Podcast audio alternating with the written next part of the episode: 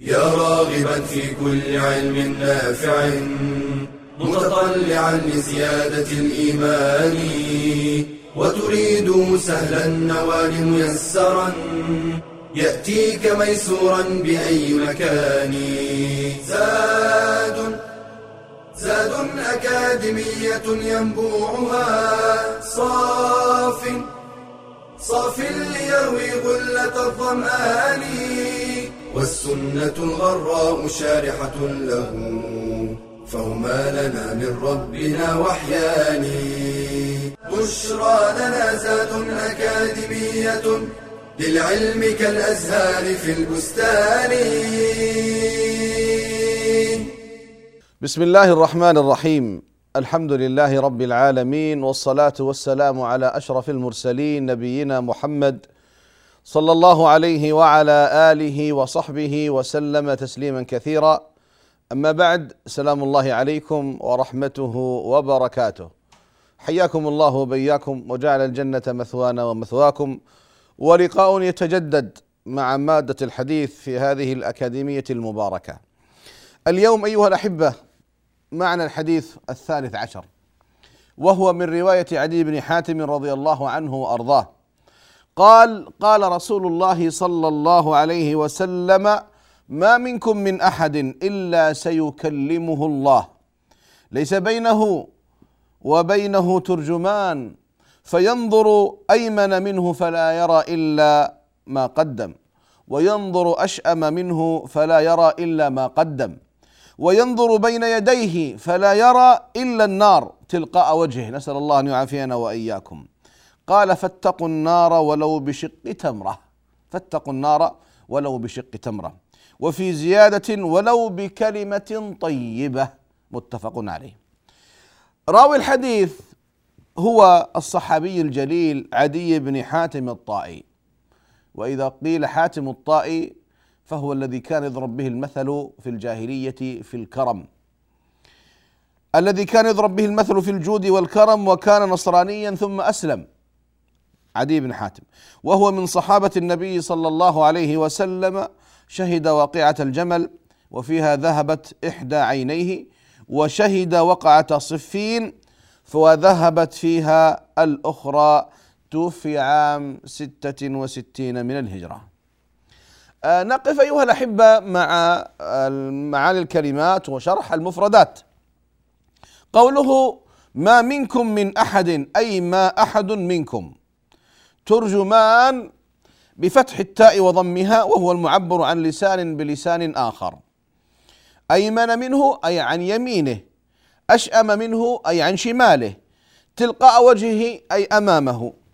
قال فاتقوا النار ولو بشق تمرة أي بنصفها. يعني الإنسان لا يحقر شيء من المعروف. ولو كان الشق تمرة مبالغة في القلة. قال الله تعالى فمن يعمل مثقال ذرة خيرا يره.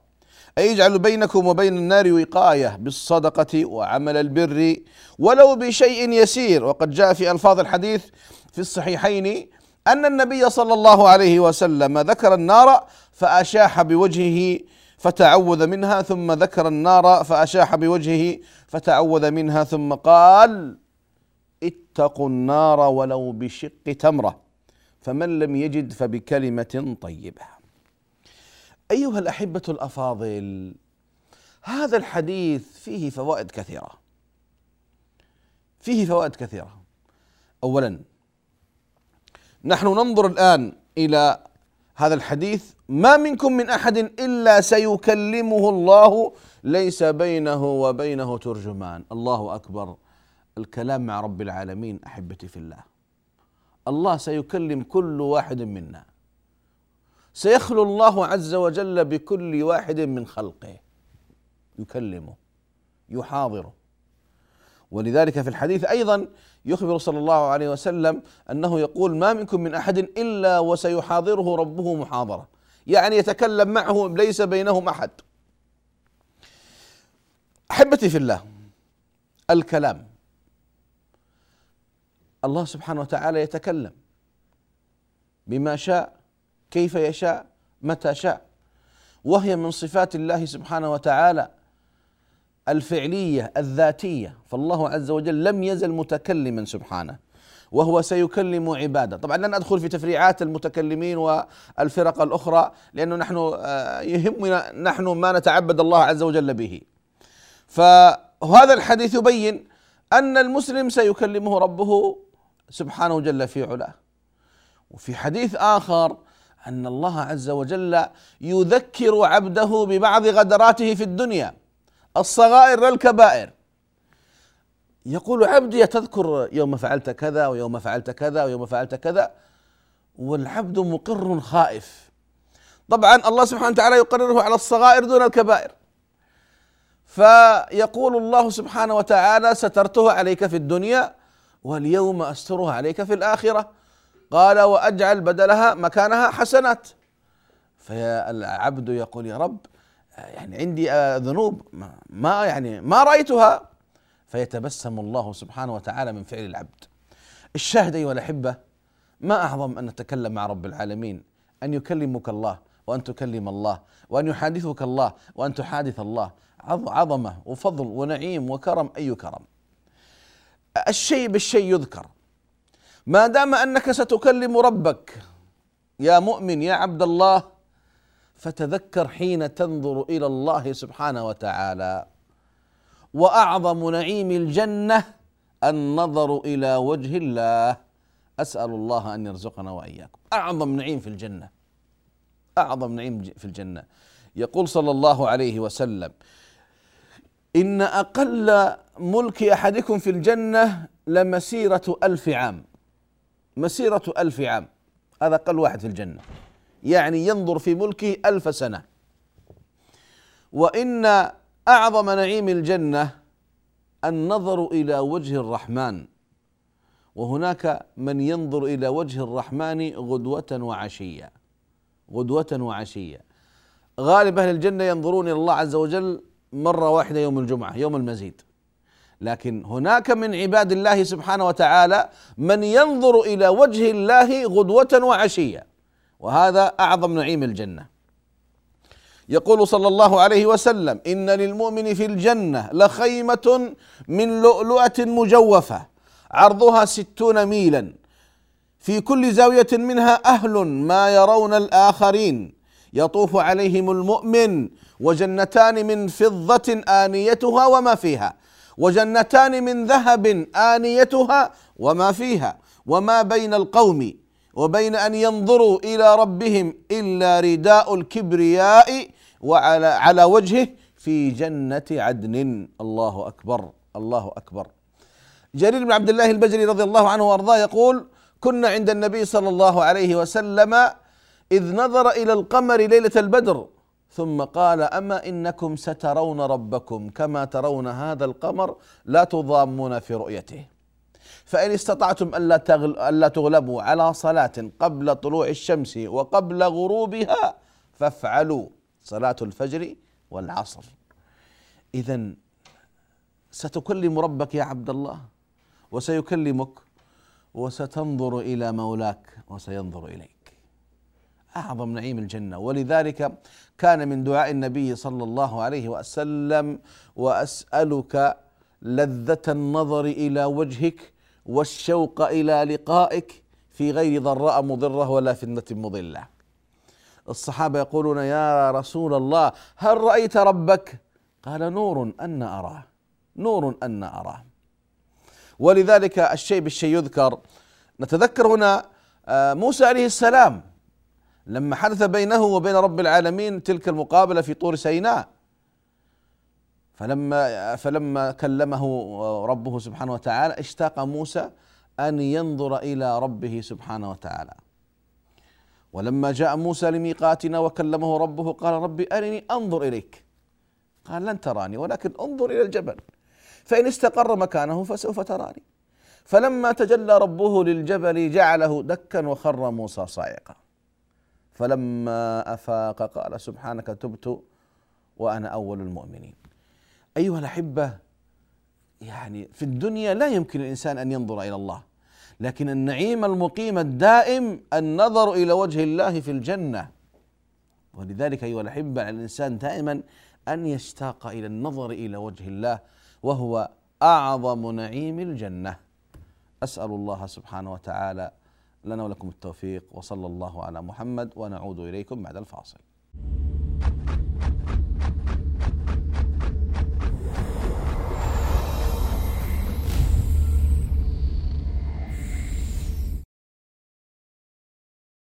يحرص كثير من الآباء والأمهات على تعليم أبنائهم شتى العلوم ويبذلون في ذلك الغالي والنفيس من أوقاتهم وأموالهم.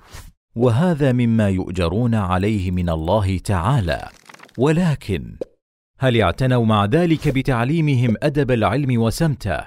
فهو الذي يهذب أخلاقهم ويحسن طباعهم. فحاجة الأطفال إلى الأدب وحسن الخلق أشد من حاجتهم إلى كثير من العلم. لهذا كان السلف يحرصون على تعليم أبنائهم الأدب قبل العلم. قال سفيان الثوري كانوا لا يخرجون أبناءهم لطلب العلم حتى يتأدبوا. وقال عبد الله بن المبارك طلبت الأدب ثلاثين سنة وطلبت العلم عشرين سنة وهذا ما جعل الآباء والأمهات قديما يدفعون بأولادهم إلى المؤدبين والعلماء حتى يقتبسوا من أخلاقهم وآدابهم قبل علومهم. قال الإمام مالك بن أنس رحمه الله تعالى. كانت أمي تعممني وتقول لي اذهب إلى ربيعة فتعلم من أدبه قبل علمه. وذلك أن العلم لا ينتفع به إلا بطهارة القلب عن مساوئ الأخلاق. ولعل هذا الأمر هو ما دفع العلماء إلى اشتراط أن يتتلمذ طالب العلم للعلماء لا للكتب فحسب. وذلك حتى يتأكدوا من تخلقه بأخلاق العلماء وتحليه بأدبهم ويظهر عليه سمت العلم وأدبه ونوره. قال عبد الله بن وهب ما تعلمناه من أدب مالك أكثر مما تعلمناه من علمه ومما يدلك على منزلة الأدب والأخلاق أن النبي صلى الله عليه وسلم قد جمع بين العلم والأخلاق والأدب ولما أثنى عليه ربه سبحانه وتعالى. أثنى عليه بالأخلاق والأدب فقال وإنك لعلى خلق عظيم.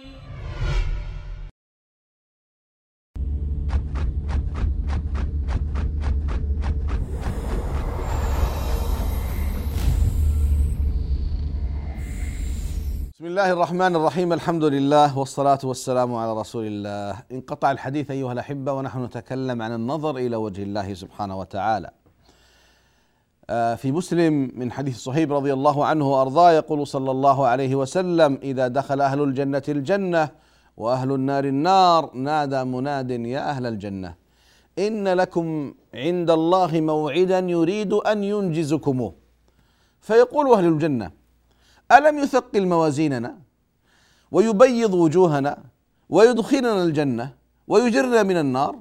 يعني ماذا بعد هذا؟ قال صلى الله عليه وسلم فيكشف الحجاب فينظرون إلى الله. الله أكبر.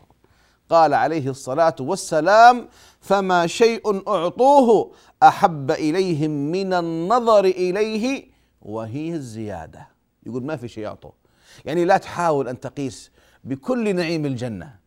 لا بثمارها ولا بأنهارها ولا بحورها ولا بخمرها ولا ولا لا لا لا. أعظم نعيم الجنة أن تنظر إلى ربك يا عبد الله. نسأل الله لنا ولكم من فضله.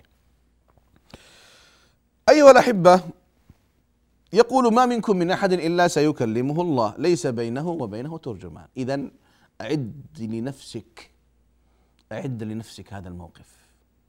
يوم توقف بين يدي الله عز وجل. ما تعلم؟ أيؤمر بك إلى اليمين أم إلى ذات الشمال؟ إلى جنة عرضها السماوات والأرض. ونسأل الله لنا وللمؤمنين من فضله. أو لنار تلظ نسأل الله أن يعافينا وإياكم. فينظر أيمن منه فلا يرى إلا ما قدم. ينظر أشأم منه فلا يرى إلا ما قدم. ينظر تلقاء وجهه فلا يرى إلا النار. أيها الأحبة انتبهوا. الإيمان باليوم الآخر قضية مهمة جدا في حياة الأمة وهي ركن من أركان الإيمان. الإيمان بيوم القيامة الذي جاءت اسماءهم كثيرة له في القرآن الكريم. الواقعة والحاقة والقارعة ويوم التغابن ويوم الحساب أسماء كثيرة. يا عبد الله ثق تماما. ستموت؟ ثم حياة برزخية؟ الله أعلم بحالها وزمانها. وطولها وقصرها ثم يوم القيامة حين يبعث الناس للحساب لا إله إلا الله. في يوم كان مقداره خمسين ألف سنة. خمسين ألف سنة. لذلك أيها الأحبة يوم القيامة هذا يوم عظيم جدا. يخرج الناس من قبورهم يعود الناس للحياة يبدأ القصاص ويبدأ الحساب وكل إنسان يأخذ حقه ويؤدي الذي عليه. يوم حساب عظيم جدا. يبعث الناس حفاة عراة غرلا. كل الخلق.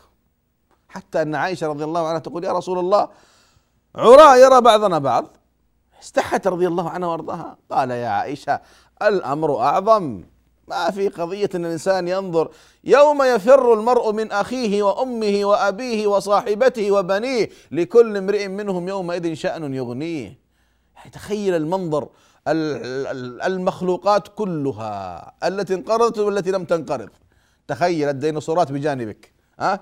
والأسماك والزواحف والأسود والوحوش والإنس والجن كلهم يحشرون في صعيد واحد لا إله إلا الله يوم الحساب. لذلك يقول صلى الله عليه وسلم لتؤدن الحقوق يوم القيامة إلى أصحابها حتى إنه لا يقاد للشاة الجلحاء من الشاة القرناء. يوم الحساب. يوم التغابن يوم الفصل. ولذلك انتبه هذا يوم لا بد أن نستعد له. لو كانت القضية أنه خلاص موت وننتهي كانت خلاص القضية الحمد لله. لا لا لا لا. ما في ستموت ثم ثم ستبعث مرة أخرى. هنا الإنسان المؤمن أيها الأحبة يعمل لهذا اليوم. يعمل لهذا اليوم.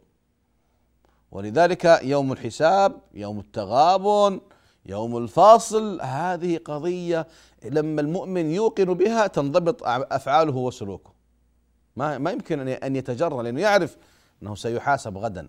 لكن غير المسلمين الذين لا يؤمنون باليوم الآخر تجد كالبهائم يعيش. لماذا؟ لأن الحياة عنده فرصة واحدة فقط. ولذلك يوم القيامة يوم الحساب. سيحاسبنا الله سبحانه وتعالى على كل صغيرة وكبيرة. إن خيرا فخير وإن شرا فشر. ولذلك لما جاء جبريل عليه السلام إلى نبينا صلى الله عليه وسلم قال يا محمد عش ما شئت فإنك ميت. عش ما شئت فإنك ميت. واحبب من شئت فإنك مفارقه واعمل ما شئت فإنك مجزي به. آه هنا السؤال. فإنك مجزي به فمن يعمل مثقال ذرة خيرا يره. ومن يعمل مثقال ذرة شرا يره. ستراه في الدنيا أو ستراه في الآخرة؟ في الآخرة يقينا. في الآخرة يقينا. لأنه الآخر يوم الحساب ولذلك الله سبحانه وتعالى ماذا يقول؟ ووضع الكتاب فترى المجرمين مشفقين مما فيه ويقولون يا ويلتنا ما لهذا الكتاب لا يغادر صغيرة ولا كبيرة إلا أحصاها. ووجدوا ما عملوا حاضرا ولا يظلم ربك أحدا. ولا يظلم ربك أحدا كل شيء في كتاب مستطر. ابدا. لا يغادر صغيرة ولا كبيرة. ولذلك أحبتي في الله الإنسان ينبغي أن ينتبه أن يعمل لذلك اليوم. يوم القيامة يوم الحساب. يوم تقف أمام رب العالمين يسألك عن عن كل شيء. عن القطمير وعن الصغير وعن كل شيء. ما يبقى شيء حتى يسألك الله سبحانه وتعالى. ولذلك يقول صلى الله عليه وسلم من نوقش الحساب عذب. من نوقش. المؤمن يستغفر ويعترف ويندم ويطاطئ رأسه. لا بعض الناس يعني ربما يجادل الله سبحانه وتعالى يقول يا ربي أنا ما أرضى شاهد إلا من نفسي. الله يقول الملائكة ظلمتك؟ قال لا لكن أنا ما أرضى الشاهد من نفسي. فيختم الله على فمه وتبدأ الجوارح تتكلم. العين تقول نظرت الأذن تقول سمعت اللسان يقول تكلمت اليد تقول أخذت وأعطيت القدم تقول مشيت وذهبت الفرج يقول فعلت. فيخلي الله بينه وبين جوارحه فيقول سحقا لكن سحقا لكن عن كنا كنت أناضل عن كنا كنت أجادل. لكن هيهات هيهات. يعني فعلا يوم التغابن أيها الأحبة. إذا يوم القيامة يوم عظيم جدا وحقيقة يقينية. سيجمع الله كل الخلائق في ذلك اليوم. طيب. ينظر أيمن منه فلا يرى إلا ما قدم. ينظر أشأم منه فلا يرى إلا ما قدم. ينظر تلقاء وجهه فلا يرى إلا النار. تلقاء وجهه لا إله إلا الله. النار. مهما تكلمنا حقيقة أيضا لا بد منها. طريقين أو طريقان لا ثالث لهما. جنة عرضها السماوات والأرض أعدت للمتقين. وإلا نار تلظى لا يصلاها إلا الأشقى. أعدت للكافرين والمكذبين والمعاندين. ولذلك النار قضية خطيرة. النار قضية خطيرة.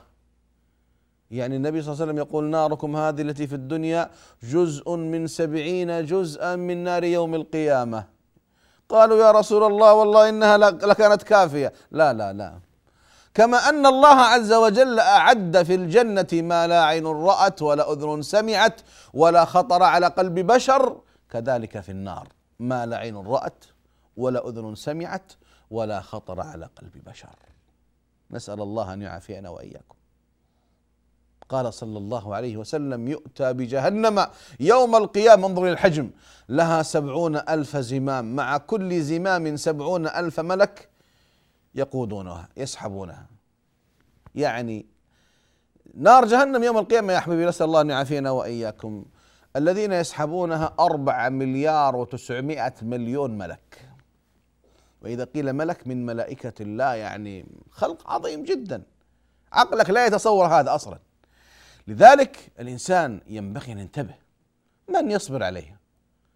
يؤتى بأنعم أهل الدنيا من أهل الأرض فيغمس غمسة في نار جهنم غمسة.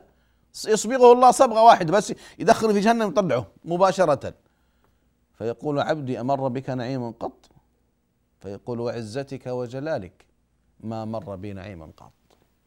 غمسة واحدة يا أحبابي أنست الرجل نعيم الدنيا وما فيها. كيف بمن يعيش فيها؟ لذلك الله الله الله الله دائما. حدث نفسك كيف أنال الجنة وكيف أنجو من النار؟ إن حرها شديد وقعرها بعيد ومقامعها من حديد. زبانيتها ملائكة الله.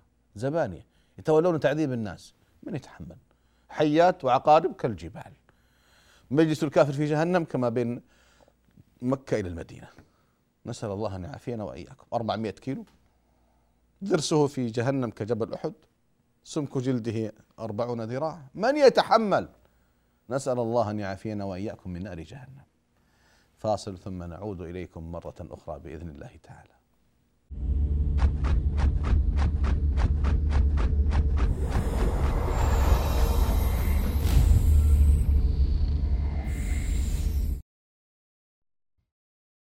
هل كان أجدادنا يتخيلون أن يرسلوا رسالة من المشرق إلى المغرب في لمح البصر؟ هل كان أسلافنا يتصورون أن يلتقوا بالعلماء في أقصى الأرض دون أن يرحلوا إليهم؟ إنها التقنية الحديثة فلاستخدامها في طلب العلم ميزات منها سرعة ويسر الوصول إلى المعلومة وضخامة المعلومات وتنوعها والتواصل مع العلماء حيثما كانوا. ومن ميزاتها الكبيرة. تيسير طلب العلم على المعاقين وذوي الاحتياجات الخاصة.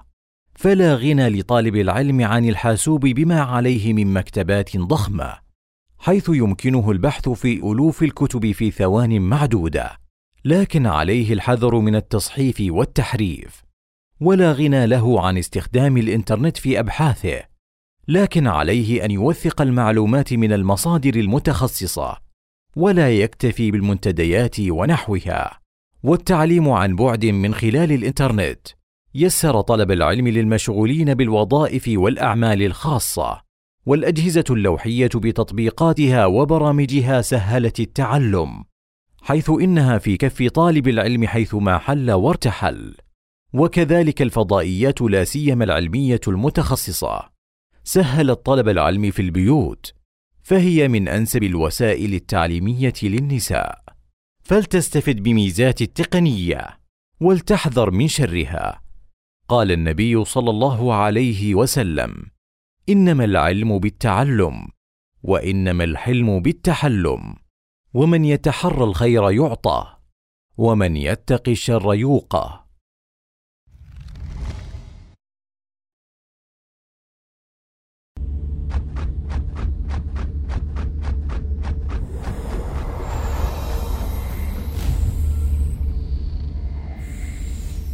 بسم الله الرحمن الرحيم الحمد لله والصلاة والسلام على رسول الله وعلى آله وصحبه ومن والاه وبعد عودة أيها الأحبة مرة أخرى إلى هذا الحديث العظيم وما فيه من التوجيهات الكريمة النبي صلى الله عليه وسلم يقول فاتقوا النار ولو بشق تمرة أولا أيها الأحبة على الإنسان دائما وأبدا أن يكون في جهاد جهاد مع نفسه مع شهواته مع هواه مع الشيطان مع الدنيا مع الملهيات.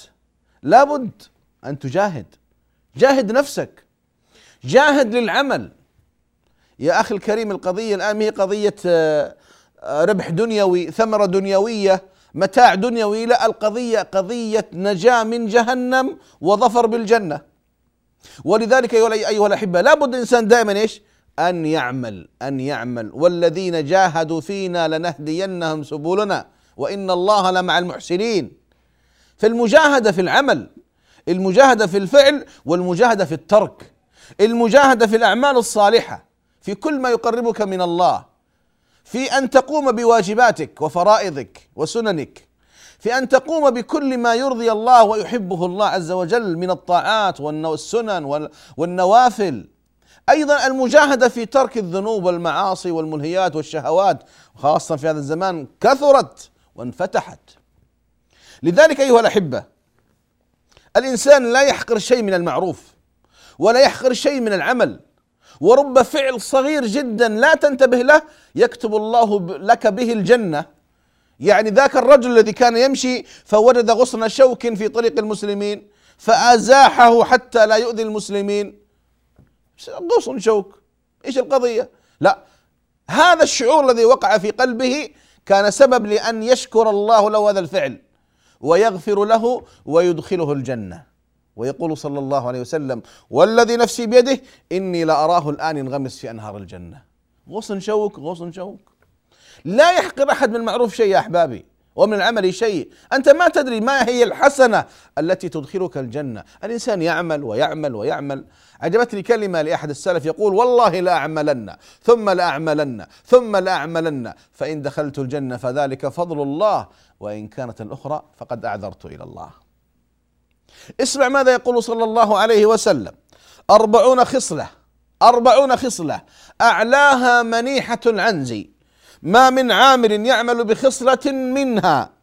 رجاء ثوابها وتصديق موعودها إلا أدخله الله الجنة. رواه البخاري. أربعون خصلة أعلاها منيحة العنز. يعني إنسان عنده غنم أو كذا فيعطي إنسان ماعز أو كذا يعني يستفيد من ألبانها وما فيها. طيب أعلاها هذه ما من عامل يعمل بخصلة منها رجاء ثوابها وتصديق موعودها إلا أدخله الله الجنة. فكيف بغيرها؟ إذا أيها الأحبة لا ننظر دائما إلى الأعمال الكبيرة إن شاءت الحمد لله لكن إن ما شاءت خلونا نعمل بالذي في أيدينا. إصلاح بين الناس تشميت عاطس رد السلام إغاثة ملهوف صدقة خفية صلة والدين صلة رحم إحسان للجيران كفالة يتيم يعني أعمال كثيرة جدا يمكن بعضنا ما ينتبه لها. محافظة على سواك مثلا محافظة على سنة الفجر على تكبيرة الإحرام على على هي كبيرة جدا لكن أقول ربما بعض الناس ما ينتبه لها. أقول الأعمال كثيرة. اسمع إلى هذا الحديث الجميل الذي أخبرت به عائشة رسولنا صلى الله عليه وسلم. ما هو الحديث؟ آه، جاءت امرأة معها ابنتين إلى عائشة رضي الله عنها تطلب الصدقة. تقول عائشة رضي الله عنها فما وجدت إلا ثلاث ثمرات. بيت النبي ثلاث ثمرات ما في الله طيب. فأعطت هذه المرأة هذه الثلاثة تمرات المرأة مباشرة أعطت واحدة تمرة والثانية تمرة وأهوت بتمرة في فيها في فمها. طبعا ال- البنتان أكلتا التمرتين ثم نظرتا إلى أمهما. آه، عاطفة الأم هنا. فأخذت التمرة قسمتها نصفين أعطت هذه نصف وهذه نصف ثم مضت.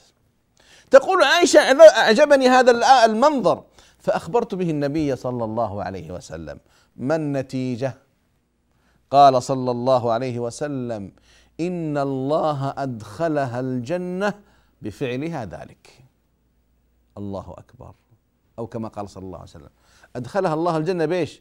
بفعلها ذلك. انظروا كيف تشق التمرة وهي محتاجة لا وهذه نصف وهذه نصف وتمشي وهي جائعة أهم شيء البنات يأكلون.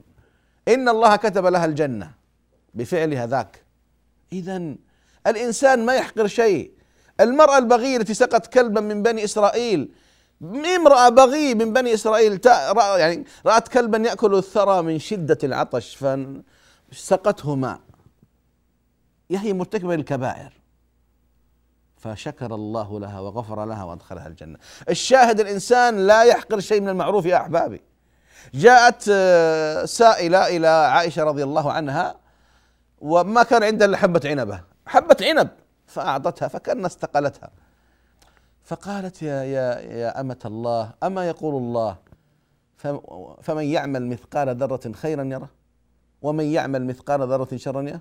قالت بلى قالت كم في هذه العنبة من ذرات؟ هذا هو استحضار الأجر. استحضار الأجر. ولا الإنسان يستقل لشيء فإن ال- المنع أقل. أبدا. ولذلك كيف النبي صلى الله عليه وسلم فاتقوا النار ولو بشق تمرة الصدقة صدقة مهمة يا أحبابي. إنسان يتصدق يعطي يبذل. والصدقة الصدقة من أحب الأعمال إلى الله. وكم في القرآن من نصوص كثيرة جدا. تحفز الناس وتأمر الناس. بالعطاء بالصدقة بالهبة بعدم البخل بعدم الشح. ولذلك الإنسان يحرص أيها الأحبة أيها الإخوة يحرص على الصدقة. ولا لا يعني يمنعك أنها قليلة. يا رسول الله ما أفضل الصدقة؟ قال جهد المقل. جهد المقل. ما جهد المقل؟ إنسان ما عنده إلا القليل ويتصدق. يا الله ما عنده شيء. لكن يتصدق. هذه عظيمة عند الله. سبق درهم ألف درهم. سبق درهم خمسين ألف درهم. سبق درهم مئة ألف درهم. ليش؟ لأنه خرج من طيب نفس ومن كسب طيب ومن أيضا من قلة ذات يد. يا رسول الله في حديث آخر ما أفضل الصدقة؟ قال أن تتصدق وأنت صحيح شحيح. ترجو الغنى وتخشى الفقر. فاتقوا النار ولو بشق تمرة. لذلك أيها الأحبة الأفاضل الإنسان يحرص قدر ما يستطيع أن يعمل الصالحات يب- يضرب في كل عمل بسهم. اضرب هنا واضرب هنا واضرب هنا إن الصلاة فصلاة وإن ال- الحج فحج وإن كان كانت العمرة فعمرة وإن كان هناك بر صلة الوالدين وصلة الأرحام والإحسان للفقراء والمسح على رأس اليتيم والصدقة الخفية وإطعام الطعام وإفشاء السلام. يعني أيها الأحبة الإنسان لا يقول عندي وقت فراغ لا ما عندك وقت فراغ. عندك وقت من الله عليك بالعافية وبالعلم لتعمره. ما عندي شيء طيب ما عندي فلوس ما عندي شيء أتصدق فيه. يا أخي ولو بكلمة طيبة. الكلمة الطيبة أيها الأحبة الأمر بالمعروف النهي عن المنكر ال- النصيحة تعليم العلم إرشاد ال- صاحب الطريق ال- الذي ضل عن طريقه. الإصلاح بين الناس. يعني ترى يا أحبابي اللسان مهم الإنسان ينتبه له. قال كلمة طيبة. لأنه في عندنا كلمة طيبة وعكسها كلمة خبيثة والعياذ بالله. ولذلك نحرص. النبي صلى الله عليه وسلم يقول من كان يؤمن بالله واليوم الآخر فليقل خيرا أو ليصمت. الله سبحانه وتعالى يقول وقل لعبادي يقول التي أحسن إن الشيطان ينزغ بينهم. وقولوا للناس حسنا. إذا أيها الأحبة الشاهد من هذه المحصلة النهائية أن الإنسان يكون في هذه الحياة إنسان إيجابي. بمعنى يعطي ويمنح ويصلح ويكون مفتاح للخير مغلاق للشر. دائما دائما الناس يرجون خيره ويأمنون شره. هكذا أيها الأحبة المؤمن. ولذلك أحبتي في الله هذا الحديث عظيم جدا. ما ترك لنا حجة. فاتقوا النار ولو بشق تمرة. فإن لم يجد قال ولو بكلمة طيبة. يعني احذر تخرج من كلمة سوء. أنت مؤمن أنت موحد أنت من أتباع سيد المرسلين صلى الله عليه وسلم. نكتفي بهذا أيها الأحبة وأسأل الله العظيم بأسمائه وصفاته أن يرزقنا جميعا علما نافعا ورزقا واسعا وشفاء من كل داء. نسأله عز وجل أن يعز الإسلام والمسلمين وأن يذل أعداء الدين وصلى الله على محمد وعلى آله وصحبه وسلم. والحمد لله رب العالمين. يا راغبا في كل علم نافع. متطلعا لزيادة الإيمان وتريد سهلا النوال ميسرا يأتيك ميسورا بأي مكان. زاد زاد أكاديمية ينبوعها صاف صاف ليروي غلة الظمآن والسنة الغراء شارحة له. فهما لنا من ربنا وحيان بشرى لنا زاد أكاديمية للعلم كالأزهار في البستان.